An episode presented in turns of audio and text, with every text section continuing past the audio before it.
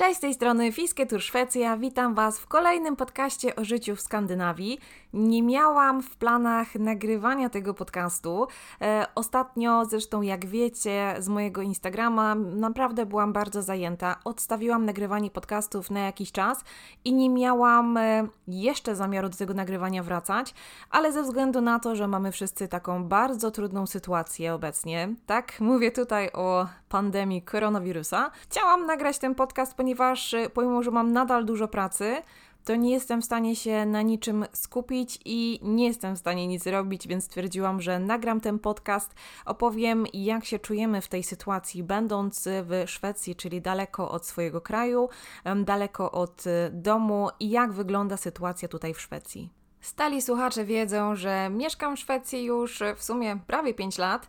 E, siedzę sobie w drewnianym domu w lesie i opowiadam tutaj o życiu w Skandynawii, głównie o Szwecji, bo tutaj w Szwecji mieszkamy, e, ale również e, dosyć często jesteśmy w Norwegii, z tą Norwegią jesteśmy związani, więc można powiedzieć, że mówimy o życiu ogólnie w Skandynawii. I dzisiaj w związku z koronawirusem również będę sporo mówić o Norwegii, dlatego że Norwegia wprowadziła e, bardzo dużo regulacji i ograniczeń i również o tym Wam szerzej zaraz opowiem. Sytuacja zmienia się bardzo, bardzo, ale to bardzo dynamicznie. Ja ten podcast nagrywam w południe, w sobotę 14 marca, więc y, bardzo możliwe, że te wszystkie informacje za kilka godzin już nie będą aktualne. Ja też nie będę się jakoś tak bardzo y, głęboko y, wypowiadać na temat tych wszystkich zmian, które są teraz wprowadzone ponieważ one się zmieniają dosłownie z godziny na godzinę, więc osoby zainteresowane w danym kraju, jak wygląda sytuacja, muszą śledzić oficjalne strony i na bieżąco patrzeć, co się dzieje. I ja często w podcastach podkreślam, jakie są plusy życia w lesie daleko od wszystkiego. No i nie sądziłam, że taki duży, duży plus okaże się w trakcie pandemii, kiedy nie mieszka się w dużym mieście, nie ma się tak dużego kontaktu z ludźmi. I to jest y, spory plus, no ale tego się nie spodziewałam, że, że, że w takiej sytuacji mi się to przyda. Zawsze Darek mówił, że trochę jest jednak bezpieczniej niż w dużym mieście, gdyby coś się wydarzyło, ale w życiu nie pomyślałabym, że dojdzie do takiej sytuacji, jaką mamy teraz, z którą musimy się mierzyć wszyscy, właściwie cała Europa, cały świat tak naprawdę. Ja również na swoim Instagramie w relacjach na bieżąco informuję, jaka jest e, sytuacja w Szwecji, więc serdecznie Was zapraszam e, na Instagram Fisketur Szwecja. I również odsyłam Was do Daniela e, z profilu Szwedzki Start. Daniel również informuje na bieżąco, jak wygląda sytuacja, więc jeżeli jesteście zainteresowani dokładnie Szwecją, tym krajem, to Was tam odsyłam. Natomiast osoby, które mają dość słuchania o pandemii i nie chcą się stresować, odsyłam na nasz kanał wędkarski Fiske Tour Szwecja. Tam możecie pooglądać sobie piękne skandynawskie widoki i trochę się zrelaksować. Wrócę jeszcze teraz na moment do moich relacji na Instagramie, w których podawałam, jak wygląda sytuacja w Norwegii i Szwecji. E, mówiłam o tym, że Norwegia wprowadziła taką przymusową kwarantannę, e, najpierw dla pracowników ochrony zdrowia, a później dla wszystkich osób, które e, przyleciały z zagranicy do Norwegii. Wydaje mi się, że to jest dosyć ważna informacja, ponieważ ten ruch między Polską, Szwecją i też między Norwegią a Polską był dosyć może nie wzmożony, ale całkiem normalny i wiele osób też mnie o to pytało. Też wiele osób ma zaplanowane wyjazdy, chociażby wędkarskie do Skandynawii, więc uważam, że powinnam też o tym informować, jak się sytuacja zmienia, jeżeli kraj na przykład y, zamyka te granice i loty są odwoływane, promy są odwoływane. To są takie istotne informacje. I jakie było moje zdziwienie, kiedy ktoś e, trochę dziwnie zinterpretował e, te moje relacje i wyszła z tego niezła afera wczoraj. E, zaraz Wam powiem, co się w ogóle wydarzyło. Ale to są takie, teraz wcześniej mówiłam o plusach życia w takiej małej miejscowości, w ogóle w lesie, daleko od wszystkiego, a teraz Wam powiem o takim bardzo dużym, bardzo, bardzo dużym minusie życia w takiej małej społeczności. Żyjąc tutaj na emigracji, poznaliśmy wiele fantastycznych osób i mówię tutaj teraz tylko i wyłącznie o Polonii, mówię o Polakach mieszkających e, za granicą. E, poznaliśmy mnóstwo fajnych osób, mamy dużo przyjaciół, ale mamy też wrogów, ludzi, którzy życzą nam źle i starają się wykorzystać każdy możliwy moment, żeby nam zaszkodzić. I wyobraźcie sobie sytuację i moją minę, kiedy dostałam informację, że Moja relacja na Instagramie właśnie o tych zmianach w przepisach w Norwegii została interpretowana w ten sposób, że ja sama jestem chora, jestem na kwarantannie, ale wszystkich chodzę i zarażam i zrobiła się z tego tak straszna afera, że wywołała totalną panikę wśród prawie 100 osób. I to jest taki efekt kuli śnieżnej, czyli zaczęło się powiedzmy od jednej, dwóch osób, to zaczęło narastać, narastać, w końcu przybrało taki ogrom, że ciężko było to w ogóle zatrzymać. Ja musiałam zareagować no dosyć tak mocno na tą sytuację, żeby dalej te bzdury się nie szerzyły, ale byłam bardzo mocno zaskoczona, że to obrało w ogóle taki kierunek, taki rozmiar Wspominam o tym e, tylko z jednego powodu. Ja nie chcę ani tego już dłużej komentować, ani się nad tym rozwodzić, ani nie chcę jakichś konsekwencji z tego wyciągać. Chodzi mi generalnie o to, że stoimy wszyscy przed naprawdę poważnym problemem. Czeka nas ogromna próba i tylko my sami nawzajem możemy sobie pomóc. E, ani panika, robienie sobie na złość nam nie pomoże, więc mam nadzieję, że ludzie jednak pójdą w tym kierunku, że się zjednoczą i będą sobie pomagać i ja właśnie o to apeluję, zwłaszcza, że żyjemy na emigracji, mamy tutaj właściwie tylko siebie, wszyscy jesteśmy daleko od domu, ta sytuacja nie jest dla nikogo komfortowa, wszyscy się na pewno boimy, więc trzymajmy się razem, a nie róbmy sobie pod górkę, bo to do niczego nas nie zaprowadzi. Ja też wcale się nie dziwię, że ludzie się boją. Ja też się oczywiście boję. I największy problem z tą całą sytuacją jest taki, że tak naprawdę nikt z nas nie jest w 100% pewien, że jest zdrowy. Może osoby, które przez ostatnie trzy tygodnie były zamknięte gdzieś w ogóle daleko, daleko nie miały z nikim kontaktu, mogą czuć się pewnie, ale no takich osób chyba prawie w ogóle nie ma. W dodatku mamy marzec, czyli tak naprawdę y, to jest szczyt wszystkich zachorowań i przeziębień, i wiele osób jest teraz y, chorych, przeziębionych, nawet y, dosyć dużo osób choruje na grypy w tym momencie. No i to grypa to już jest takie, hmm, no można się martwić, to już jest takie podejrzenie, ponieważ te objawy koronawirusa i grypy są dosyć podobne, więc no dużo też osób może gdzieś tam podejrzewać, że jest chorych, a to jest tylko, no nie tylko, bo grypa też jest poważna poważną chorobą, e, ale to jest ten okres, który no jeszcze jakby potęguje ten strach, ponieważ wiele osób choruje, jest przeziębionych. Jak wygląda sytuacja w Szwecji? Czy tutaj się panikuje? Nie, absolutnie. Tu jest totalny spokój, totalny luz. E, Szwecja dopiero teraz, czyli dzisiejszego dnia w sobotę, to jest ten stan na dzisiaj, powoli myśli o tym, żeby zamknąć szkoły. Do tej pory była to dowolność, czyli jeżeli dyrektorzy szkół e, tak zadecydowali, to te szkoły były zamykane, ale nie było odgórnie e, żadnego przymusu. Wszystkie imprezy, które zrzeszały więcej niż 500 osób, e, również musiały zostać odwołane. Natomiast jakoś wielkich zmian tutaj w Szwecji nie zauważyliśmy.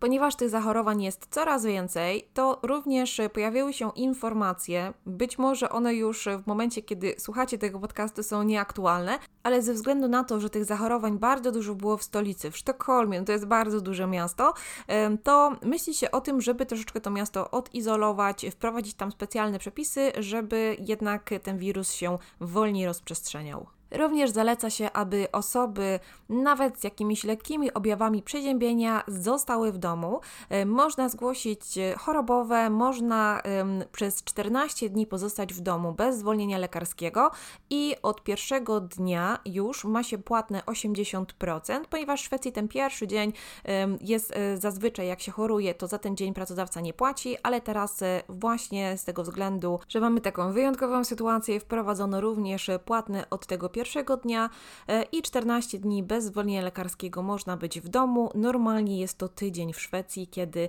nie trzeba mieć, e, tak jak w Polsce, L4 od lekarza, żeby zostać w domu, jak się jest chorym. W ogóle to jest taka ciekawa sytuacja z tym zamykaniem szkół, ponieważ specjaliści w Szwecji e, stwierdzili, że zamykanie szkół, tak jak zrobiła to Polska, zrobiła to Dania, również Norwegia, nie do końca jest dobrym rozwiązaniem, ponieważ dzieci, które normalnie są w szkole, kiedy zostaną w domu, muszą być pod opieką rodziców. Ci rodzice, jeżeli są na przykład pracownikami ochrony zdrowia, no to wtedy nie są w pracy, tylko są w domu, zajmują się e, dziećmi, a nie pacjentami. A jeżeli tymi dziećmi zajmują się dziadkowie, którzy są w grupie ryzyka, a jak wiemy, dzieci no też ten wirus przenoszą, no i może to właśnie jeszcze ten problem pogłębić, więc e, stwierdzono, że lepiej będzie, jeżeli tych szkół na razie w Szwecji się nie zamknie. Zobaczymy, jak sytuacja będzie wyglądać w poniedziałek, czy nastąpią jakieś zmiany, czy dalej szkoły będą otwarte. Taką jedną z pierwszych decyzji, która została podjęta, była taka, żeby zamknąć oddziały dla odwiedzających w szpitalach, domach opieki, domach starców, żeby jednak zmniejszyć to ryzyko. E, więc to od kilku dni już tej Szwecji funkcjonuje, natomiast na dalsze zmiany cały czas jeszcze czekamy. To może powiem, jak wyglądają tutaj statystyki, czy faktycznie nie ma powodu do zmartwień. E, w Szwecji na ten moment y, mamy 911 przypadków i dwa przypadki śmiertelne. Należy również pamiętać, ile osób w Szwecji żyje, jest to około 10 milionów i tak dla porównania w Polsce mamy obecnie przypadków około 80, a w sąsiedniej Norwegii ponad 1000. Norwegów jest około 5 milionów, więc tej Norwegii jest e, jednak tych przypadków całkiem dużo, ale Norwegia podjęła mm, naprawdę takie konkretne działania od kilku dni. E, zamyka szkoły, wprowadziła kwarantannę dla e, wszystkich osób, które do Norwegii przylatują, więc muszą obowiązkowo 14 dni przejść kwarantannę albo wsiąść do samolotu i wrócić z powrotem w to miejsce, z którego przyleciały. Muszę również dodać, że y, od dwóch dni Szwecja nie testuje wszystkich osób, y, więc y, te dane na pewno są zaniżone. W Sztokholmie było bardzo dużo zachorowań i przestano testować wszystkie osoby, więc ta liczba 911 może być znacznie zaniżona i tutaj każdego dnia tych zachorowań przybywa całkiem sporo mi się wydaje, przynajmniej tak porównując do Polski, a w Polsce już e, jakiś czas temu wprowadzono mm, już taki stan wyjątkowy, Polska zaczęła zamykać granice, więc ta reakcja była natychmiastowa i to przy znacznie e, mniejszej ilości zachorowań. No a tutaj w Szwecji nadal czekamy jeszcze na działania. Czas pewnie pokaże, jakie decyzje były słuszne, a jakie nie i musimy po prostu to przeczekać. Chociaż to czekanie jest e, bardzo ciężkie, bardzo trudne, wydaje mi się, dla nas wszystkich. Ja może tak lekko teraz o tym wszystkim opowiadam, natomiast to, że siedzę i nagrywam ten podcast, daje mi naprawdę bardzo dużą ulgę, ponieważ ja sama się dosyć mocno stresuję tą całą sytuacją i trochę teraz jestem w stanie rozładować e, swoje emocje, natomiast też e, myślę cały czas o tym, przejmuję się tą sytuacją.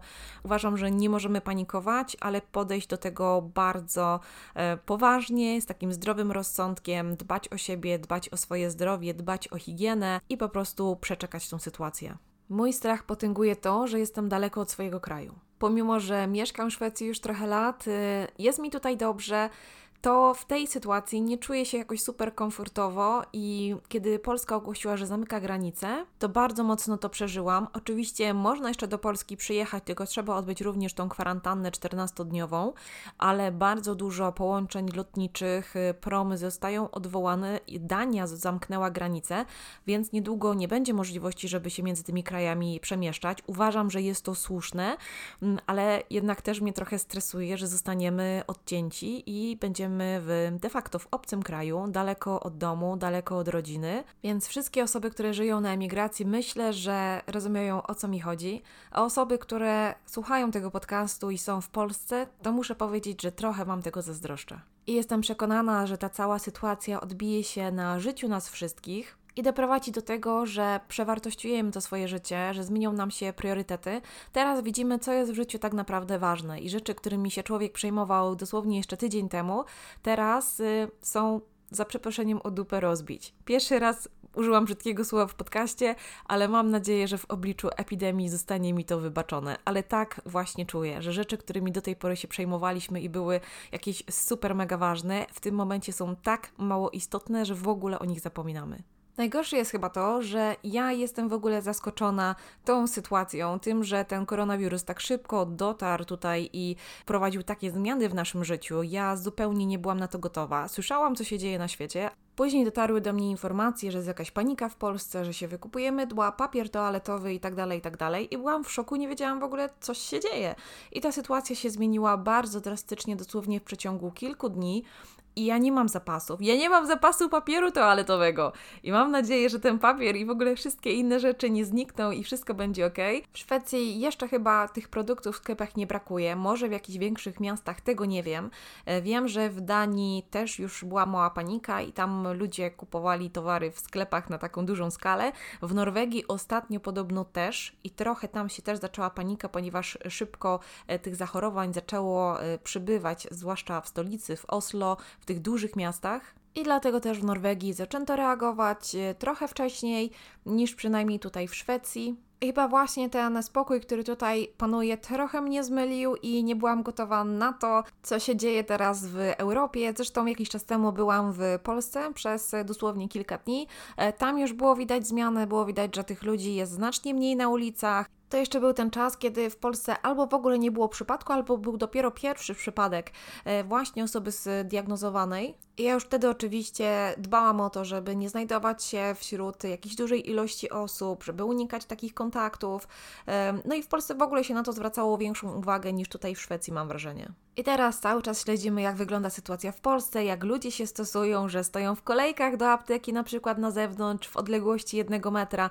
I to jest super i uważam, że Polacy naprawdę fajnie do tego podchodzą. My jesteśmy w pewnego rodzaju izolacji tutaj w Szwecji, bo mieszkamy daleko od dużego miasta, mieszkamy w lesie, mamy kontakt z ludźmi, wiadomo, w pracy, ale to zawsze jest trochę mniej, nie korzystamy z komunikacji miejskiej, nie chodzimy po jakichś galeriach, w ogóle ograniczyliśmy wszystko do takiego minimum, do tego, co potrzebujemy, żeby funkcjonować, staramy się dbać e, o higienę, wszystko dezynfekować, o ile się da, oczywiście starać się nie panikować, Możecie odnieść wrażenie, że jestem bardzo, bardzo spokojna w tej całej sytuacji, ale mam takie momenty, kiedy jestem mocno zestresowana i też się mocno przejmuję. I chyba ten podcast, to nagrywanie dało mi naprawdę taki jednak duży relaks i mogę chwilę zapomnieć. Pomimo, że mówię cały czas o tym, to jednak e, trochę mogę się oderwać i o tym zapomnieć. I naprawdę czuję teraz bardzo dużą ulgę. E, także ja też nie jestem tak super spokojna przez cały czas, również się martwię. No i dajcie znać, jak Wy sobie w ogóle radzicie z tą tą sytuacją. E, fajnie, że jeżeli jesteście w Polsce, to że właśnie jesteście w kraju i, i mi tego chyba trochę brakuje i to potęguje jednak jakiś tam strach, że jest się daleko od tego domu, pomimo wszystko. Jeżeli żyjecie na emigracji, no to pamiętajcie, nie jesteście sami. Dużo osób jest w takiej sytuacji, gdzie jest daleko od domu, od rodziny jakoś musimy sobie poradzić i fajnie, jeżeli będziemy się nawzajem wspierać. Więc zostańmy w kontakcie, dajcie znać, jak się w ogóle czujecie, gdzie jesteście. Właściwie jedyny bezpieczny kontakt jest teraz przez internet, więc możemy e, więcej czasu w tym internecie teraz spędzać tak e, bezkarnie, nie katując się tym, że siedzimy cały czas na komórce w tych mediach społecznościowych, bo to jest ten moment, który możemy właśnie na to wykorzystać. Także zostańcie w domu, jeżeli nie musicie, nie wychodźcie, nie kontaktujcie się z ludźmi. No chyba, że właśnie przez internet, e, więc piszcie do nas, e, obserwujcie nas na Instagramie Fisketur Szwecja. Mamy też Facebooka i Fisketur Szwecja wędkarski i Fisketur Szwecja o życiu w Skandynawii. Natomiast najbardziej aktywni w tym momencie jesteśmy właśnie na Instagramie. Wrzucamy tam na bieżąco relacje, co u nas słychać, jak spędzamy czas. No my nie wychodzimy z domu, o ile nie musimy i staramy się podejmować wszystkie możliwe próby, jakie tylko możemy, żeby zachować to bezpieczeństwo. I jeszcze raz Was proszę, bądźmy dla siebie dobrzy, bądźmy dla siebie mili i pomocni właśnie w tym takim trudnym okresie, bo tylko możemy nawzajem na sobie polegać, zwłaszcza tu na emigracji, kiedy jesteśmy bez rodziny. Napiszcie koniecznie, jak tam sobie dajecie radę, czy wszystko u Was w porządku i trzymajcie się zdrowo. Pozdrawiamy Was serdecznie, Fisketur Szwecja, cześć!